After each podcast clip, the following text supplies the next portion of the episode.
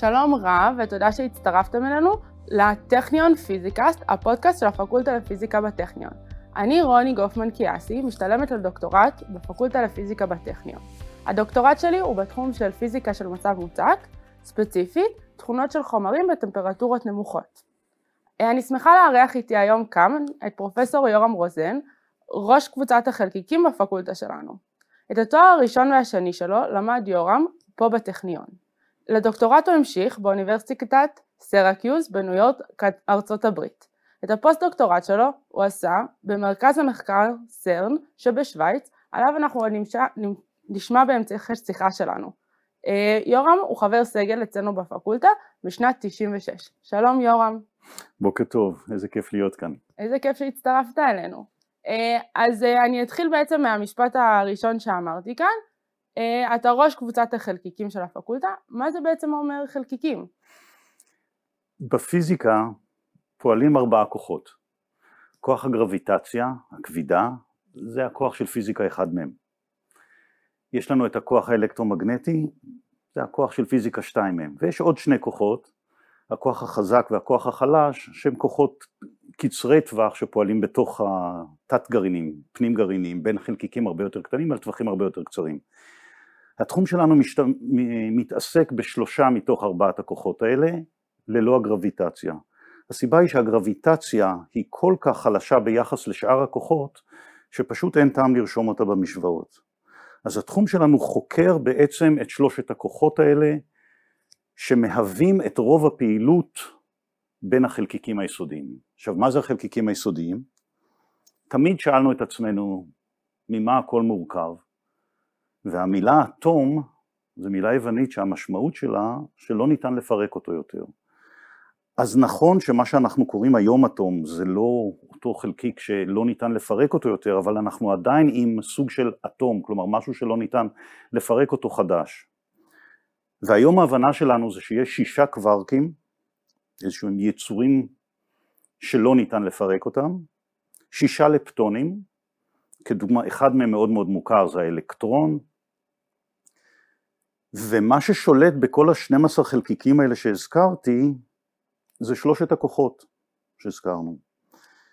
שלושת הכוחות האלה עובדים או צריכים מישהו שיתווך אותם, ויש להם מתווכים שגם עליהם שמעתם, הפוטון, חלקיק אור, הוא זה שמתווך את הכוח האלקטרומגנטי.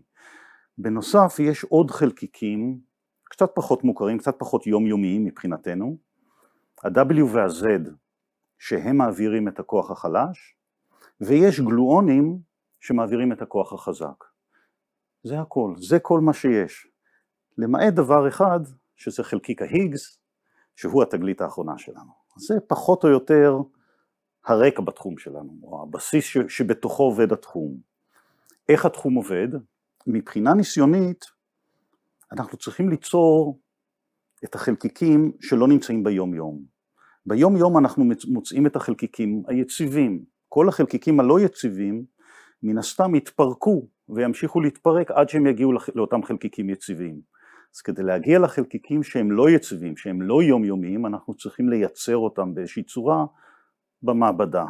לצורך זה יש לנו מאיץ, מאיץ מאוד מאוד גדול, ההיקף שלו זה 27 קילומטר, הוא נמצא במעבדה שנקראת סרן בשוויץ, והאנרגיה שם היא עצומה. אנחנו מדברים על אנרגיה שנקראת 14 TeV, זה אנרגיה מטורפת, זה אלפי אלף, אלפים המסה של הפרוטון. אז איך הקשר בין מסה לאנרגיה? טוב, זה כל אחד יודע, כל אחד שראה אי כן. פעם קריקטורה של מדען ולא משנה מה תחום העיסוק של המדען, על הלוח מאחוריו הייתה כתובה נוסחה, מה היה כתוב שמה? E שווה MC בריבוע. בדיוק. זו השאלה שאפילו אני יודעת. בדיוק. E שווה MC בריבוע זה הכלי שלנו. E זה אנרגיה, M זה מסה ו-C זה מהירות האור. אז אנחנו לוקחים חלקיקים פשוטים, יומיומיים אם תרצי, פרוטונים, מה שיושב בגרעין של כל אטום, שיש להם מסה נמוכה ומאיצים אותם, כלומר נותנים להם E, ואז גורמים להם להתנגש זה בזה. אז מנצלים את ה-E הזה כדי ליצור M אחר הרבה E הפך להרבה M, מקבלים מסה מאוד מאוד גדולה של חלקיקים חדשים, שמן הסתם הם לא יציבים. החלקיקים האלה לא יציבים, אז הם יתפרקו. איך הם יתפרקו? לפי חוקי הטבע. אז הדרך שלנו לחקור את חוקי הטבע זה לעקוב אחרי ההתפרקויות. וזה מה שאנחנו עושים. אבל איך מודדים אותם? שאלה מאוד טובה. צריך גלאי. עכשיו גלאי יכול להיות כל דבר, העין שלנו זה גלאי, זה גלאי פוטוני מעולה, אבל תחום נורא נורא צר, התחום שנקרא האור הנראה, מן הסתם אנחנו קוראים לו אור הנראה, כי אנחנו רואים אותו. בשביל החלקיקים אנחנו צריכים לא רק גלאי אחד, אנחנו צריכים מערך של גלאים, או גלאי גדול שמכיל חלקי או תת גלאים שונים. הגודל של הגלאי שלנו סדר גודל של הגודל של הפקולטה לפיזיקה, כן כן, של כל הבניין. והוא מורכב מהרבה חלקים, והחלק הכי גדול שלו אולי, זה חלק שאנחנו בנינו פה בארץ. בטכניון יחד עם מכון ויצמן ואוניברסיטת תל אביב, ולמעשה לכל מי שראה את הסרט אה, שדים ומלאכים עם איילת זורר, סצנת הפתיחה זה הגלאי שלנו. אז אפשר להגיד שהגלאי שלנו הגיע להוליווד לפני שהוא, לפני שהוא הגיע לסטוקהולם. אה, זה פחות או יותר על איך אנחנו עושים את ה... אז ו... אני אשאל אותך, יש לי הרבה שאלות קדימה. על מה שאמרת, אבל אתה מספר לי איזה סיפור יפה, כאילו אנחנו יודעים הכל, 12 חלקיקים, ש... ארבעה כוחות, אחד אנחנו מתעלמים ממנו, ו... אז מה בעצם עוד נשאר לעשות? מה אתה חוקר? שאלה מצוינת. אז... Uh... זה נכון, ה-12 החלקיקים האלה פלוס נושאי הכוח שהזכרנו, הפוטון, ה-W וה-Z, הגלואונים וגם ההיגס, בעצם מרכיבים את מה שנקרא המודל הסטנדרטי. המודל הסטנדרטי זה, זה סכום כל הידע שלנו בתחום, רשום כמשוואה אחת. היא טיפ טיפה ארוכה, אבל זה עדיין משוואה אחת, או לגרנג'יאן אנחנו קוראים לו אחד. אבל אנחנו יודעים שהוא לא סוף הסיפור. יש לנו אולי לא בהכרח עדויות, אבל סיבות להאמין שמתמטית חסר בו משהו, שהוא לא מספיק, המודל הזה יש לו איזושהי בעיה והוא עושה עבודה טובה מאוד באנרגיות נמוכות, באנרגיות שאנחנו יכולים להגיע אליהן היום, נכון שאתם קוראים, מהתחום שלכם אתם קוראים לאנרגיה מאוד מאוד גבוהות, אבל באנרגיות של סקלת פלנק זה עדיין לא אנרגיות גבוהות. אז אנחנו יודעים שחסר משהו למודל הזה, אפשר להשוות את זה לניוטון מול איינשטיין. בעיקרון התיאוריה של ניוטון לא נכונה, כי בא איינשטיין והשלים אותה, אבל זה, לכל הפעולות היומיומיות שלנו, חישוב על פי חוקי ניוטון הוא פנטסטי, הוא מספיק טוב. זה רק שאנחנו יודעים שכשהמהירות הולכת וגדלה זה מפסיק להיות נכון. אותו דבר כאן. המודל הזה עובד יפה מאוד באנרגיות ש, שמצויות אצלנו, אבל די ברור לנו שחסר לו משהו שיגיע באנרגיות יותר גבוהות. אז זה עיקר החיפוש שלנו. עיקר העבודה של רובנו, בעיקר בטכניון, זה לחפש, אנחנו קוראים לזה פיזיקה חדשה, כי אם יש את המודל הסטנדרטי, אז כל מה שהוא לא נקרא מעבר למודל הסטנדרטי או פיזיקה חדשה. אז כאן מושקע כל המאמץ שלנו, בלחפש פיזיקה חדשה. את בטח רוצה לשאול, מהי אותה פיזיקה חדשה? או איך. או איך. איך לחפש, זה באותן טכניקות אנחנו רק מגדילים. מגדילים קצת את האנרגיה ובעיקר את כמות האירועים, כלומר את הסטטיסטיקה שלנו, כדי לחפש ולמצוא את הפינות החשוכות והנדירות, כאלה שאנחנו רק רואים את הקצה שלהם. ומהי אותה פיזיקה חדשה? אין לי מושג. פשוט אין לנו מושג. וגם לא לגמרי משנה לנו מהי אותה פיזיקה חדשה, אנחנו רוצים לגלות אותה. קודם נגלה אותה ואז נבין מהי. אבל ברגע זה אין לנו מושג מה היא הולכת להיות. אז זה קצת אה, ירייה באפלה. כן ולא. כן ולא. כלומר, ישנם מחקרים, או יש, ישנן שיטות, שבהם מחפשים משהו מאוד מאוד ספציפי, שבו קיימת איזושהי תיאוריה, איזשהו מודל, בין אם הוא נכון או לא, שמציעה איזושהי היפותזה ואנחנו מחפשים אותה. נמצא סבבה, כבר נדע מה זה. לא נמצא, אופס. אנחנו יכולים אבל לעשות, למחוק את אותה פינה, את אותו כיוון. מצד שני יש עוד טכניקה, שזה בעצם למדוד את המודל הסטנדרטי בדיוק שהולך וגדל. מתוך תקווה שבאיזשהו שלב או באיזשהו פינה של מה שאנחנו קוראים space, אנחנו נמצא איזושהי חריגה, חריגה סטטיסטית שלא ניתנת להסבר על ידי המודל הסטנדרטי. ואז יהיה האקדח המעשן. יש כבר כמה פינות כאלה, אבל הן עדיין לא מובהקות. סטטיסטית הן עדיין לא מספיק בולטות כדי שנוכל להגיד, היי, hey, יש פה אקדח מעשן. זה רק התחלה של אולי טיפונת ניצוץ, אבל עוד אין עשן. אז אני רק אגיד, אתה אומר סטטיסטית, כי בעצם כל הניסוי שתיארת, הוא בנוי על זה שחלקיק באיזושהי הסתברות, הוא מתפרק לחלקיקים שאותם אנחנו יכולים לגלות. והרעיון הוא שאם נאסוף מספיק סטטיסטיקה כזאת, אולי נמצא חלקיק שלא צפינו לו, או איזושהי תזוזה מהמודל, נכון? אני הבנתי נכון? הבנת נכון מאוד, אבל גם הפכת את זה לנורא נורא פשוט. נורא פשוט, כן. לא. בגלל ש, שזה לא רק לחפש את המשהו הנדיר, אלא זה לחפש את המשהו הנדיר בנוכחות רקע, background, עצום. אה, הדימוי של מחט בערימה של שחת לא עושה חסד עם מה שקורה כאן באמת, כי זה הרבה יותר קטן. למשל, חלקיק, חלקיק ההיגס, על כל עשרה מיליארד התנגשויות נוצר אחד. כלומר, יהיו לנו עשרה מיליארד התנגשויות שבהם קורה משהו אחר, וצריך למצוא את המחט הזאת של אחד מתוך עשרה מיליארד. אז... אה, ואז עוד ידעתם מה אתם מחפשים. ואז עוד ידענו מה אנחנו מחפשים ואיך לחפש אותו, רק לא בדיוק ידענו איפה, ובאמת הסטטיסטיקה היא זאת שגילתה אותו. בהתחלה ראינו באמפ קטן, שככל שהוספנו עוד ועוד דאטה, הוא התחיל לגדול ולהיות משמעותי, ובשלב מסוים הוא היה מספיק סיגניפיקנטי, עם נראות מספיק גבוהה כדי להכריז מצאנו. ואגב, כשמצאנו אותו, לא אמרנו שמצאנו את ההיגס. אז מה בעצם אמרתם?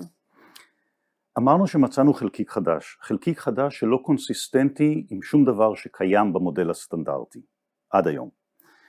לא יכולנו להגיד בשלב הזה יותר, ובאמת התגלית שהייתה ביולי 2012 לא זיכתה בפרס נובל שניתן באוקטובר, היא זיכתה בפרס נובל באוקטובר הבא, ב-2013, והסיבה היא שרק במרץ 2013 מדדנו את התכונות של החלקיק. ועם מדידת התכונות של החלקיק יכולנו להגיד, כן, כן, אותו חלקיק חדש שמצאנו הוא אכן בוזון ההיגס. אוקיי, הבנתי. Uh, אני אחזור קצת אחורה, אמרת שבעצם המטרה שלנו כרגע היא להגדיל את uh, סקלות האנרגיה שלנו לאנרגיות שיותר מתקרבות לאנרגיית פלאנק. מה זה המושג הזה, אנרגיית פלאנק?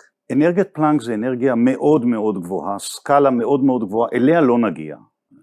אין, מספיק, אין לנו מספיק אנרגיה, אין לנו יכולות להגיע לשם, אבל ההנחה היא שבאנרגיה הזאת כל הכוחות מתאחדים לצורה אחרת, אם תרצי לכוח אחד או לצורה אחרת, והפיזיקה נראית הרבה יותר מאוחדת, ולכן הסקאלה הזאת היא מאוד מאוד מעניינת אותנו. להגיע אליה, אליה לא נוכל, לא נוכל, אבל הפיזיקה החדשה שאותה אנחנו מחפשים נמצאת איפשהו בין, איפשהו, במק... בין האנרגיה שיש לנו היום לסקאלה ההיא, בתקווה שזה בסקאלה יותר נמוכה, כדי להגדיל את, את הסיכוי שאנחנו נראה אותה.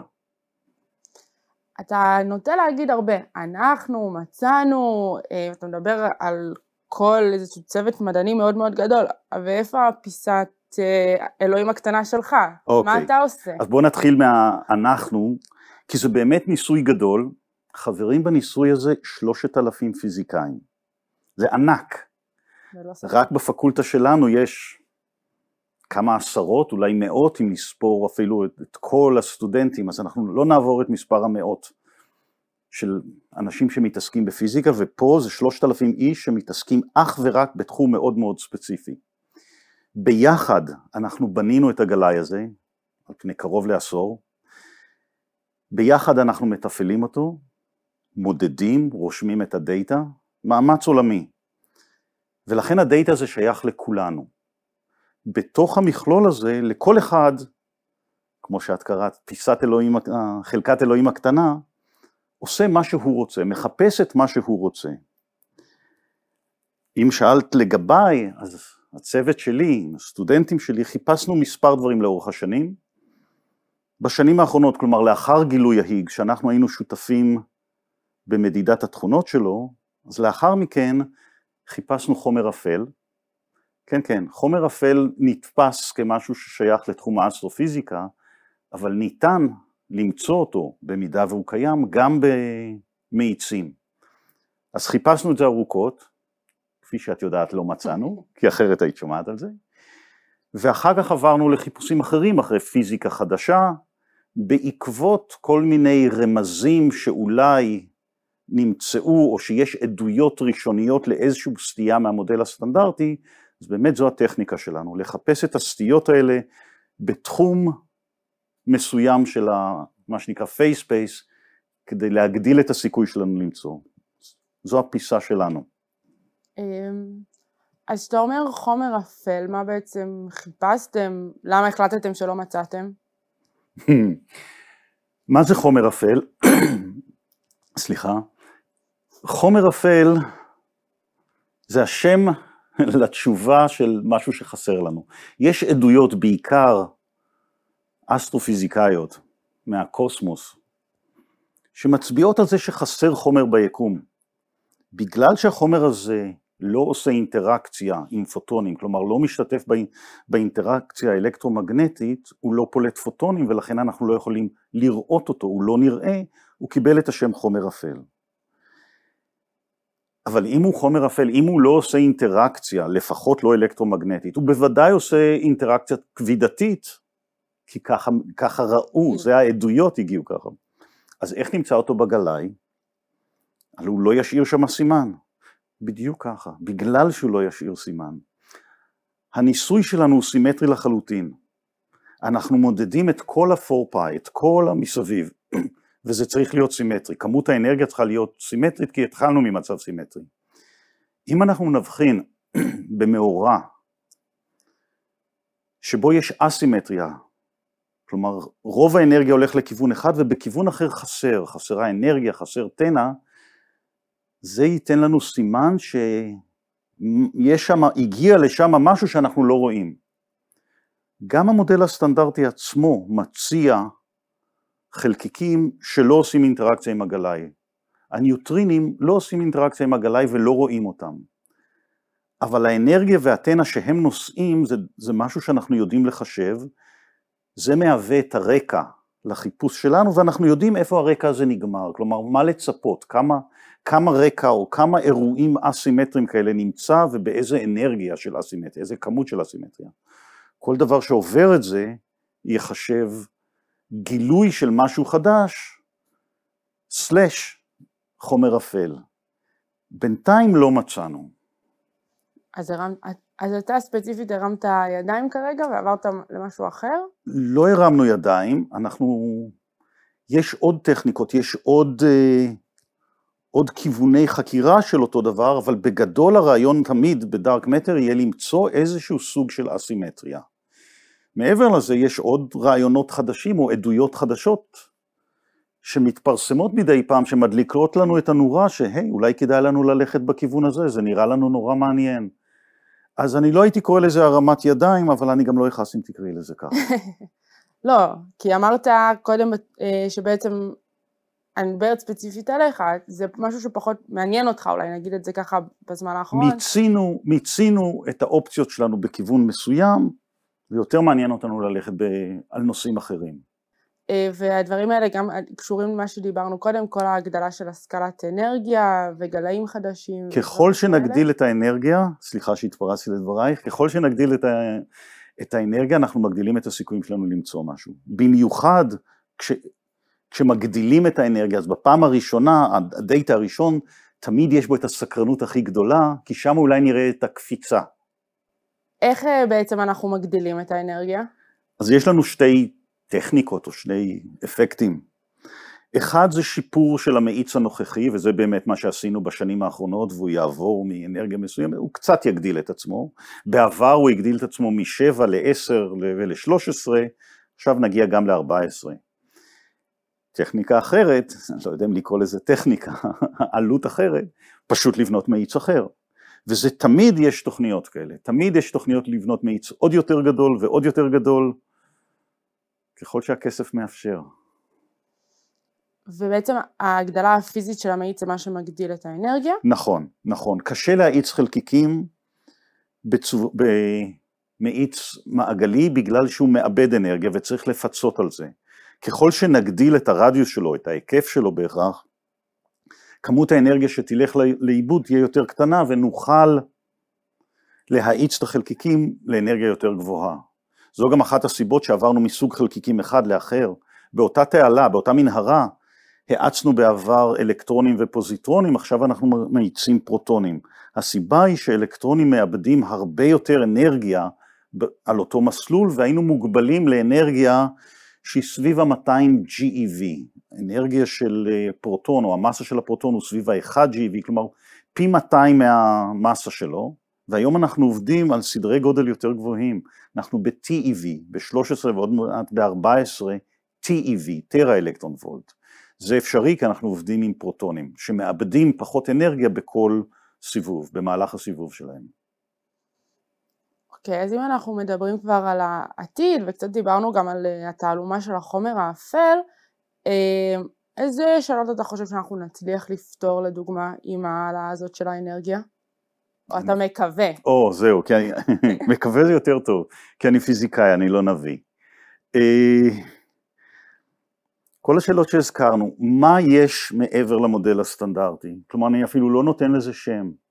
בתקווה שאולי נמצא גם חומר אפל בדרך, זה יהיה מאוד נחמד, אבל בעיקר למצוא משהו חדש, פיזיקה חדשה, משהו מעבר למודל הסטנדרטי, זה יסגור לנו את הפינה. משהו ספציפי שאתה היית רוצה, או כל תגלית חדשה? כל תגלית חדשה, כל תגלית חדשה תתקבל. ההפך, לא לתת לה שם, לא להיצמד לתיאוריה מבחינתי זה הדרך היותר נכונה. ו... אוקיי. אין לי מה להגיד על זה, יורם, אתה בן אדם אה, עם תקוות פתוחות. אה, אז נראה לי אנחנו נגיע לשאלת הסיום שלנו, אלא אם כן יש עוד משהו שהיית רוצה לספר לי בשלב הזה. אה, יש איזשהו מדען גדול מהתחום שהיית רוצה לפגוש לארוחת ערב? הוא חייב להיות בחיים? לא, מי שתרצה. אז כן. אדם בשם שלדון סטון, שנפטר בשנה האחרונה, עבדתי איתו כשהייתי אה, בדוקטורט, ומעבר להיותו פיזיקאי גדול עם רעיונות מדהימים ו... וראש נהדר, הוא הפך את הפיזיקה לכיף. וזה יותר מהכל מבחינתי, אותו הייתי רוצה לפגוש. אבל פגשת אותו כבר. עוד פעם. אז אה, יורם, תודה רבה על שיחה מעניינת, אני למדתי הרבה ונהניתי מאוד. ולמאזינים שלנו, אני מזמינה אתכם להצטרף לעוד פרק של הטכניון אה, פיזיקאסט, אה, ואתם מוזמנים גם לבקר באתר שלנו, של הפקולטה, ב-phys.technion.ac.il. תודה רבה, יורם.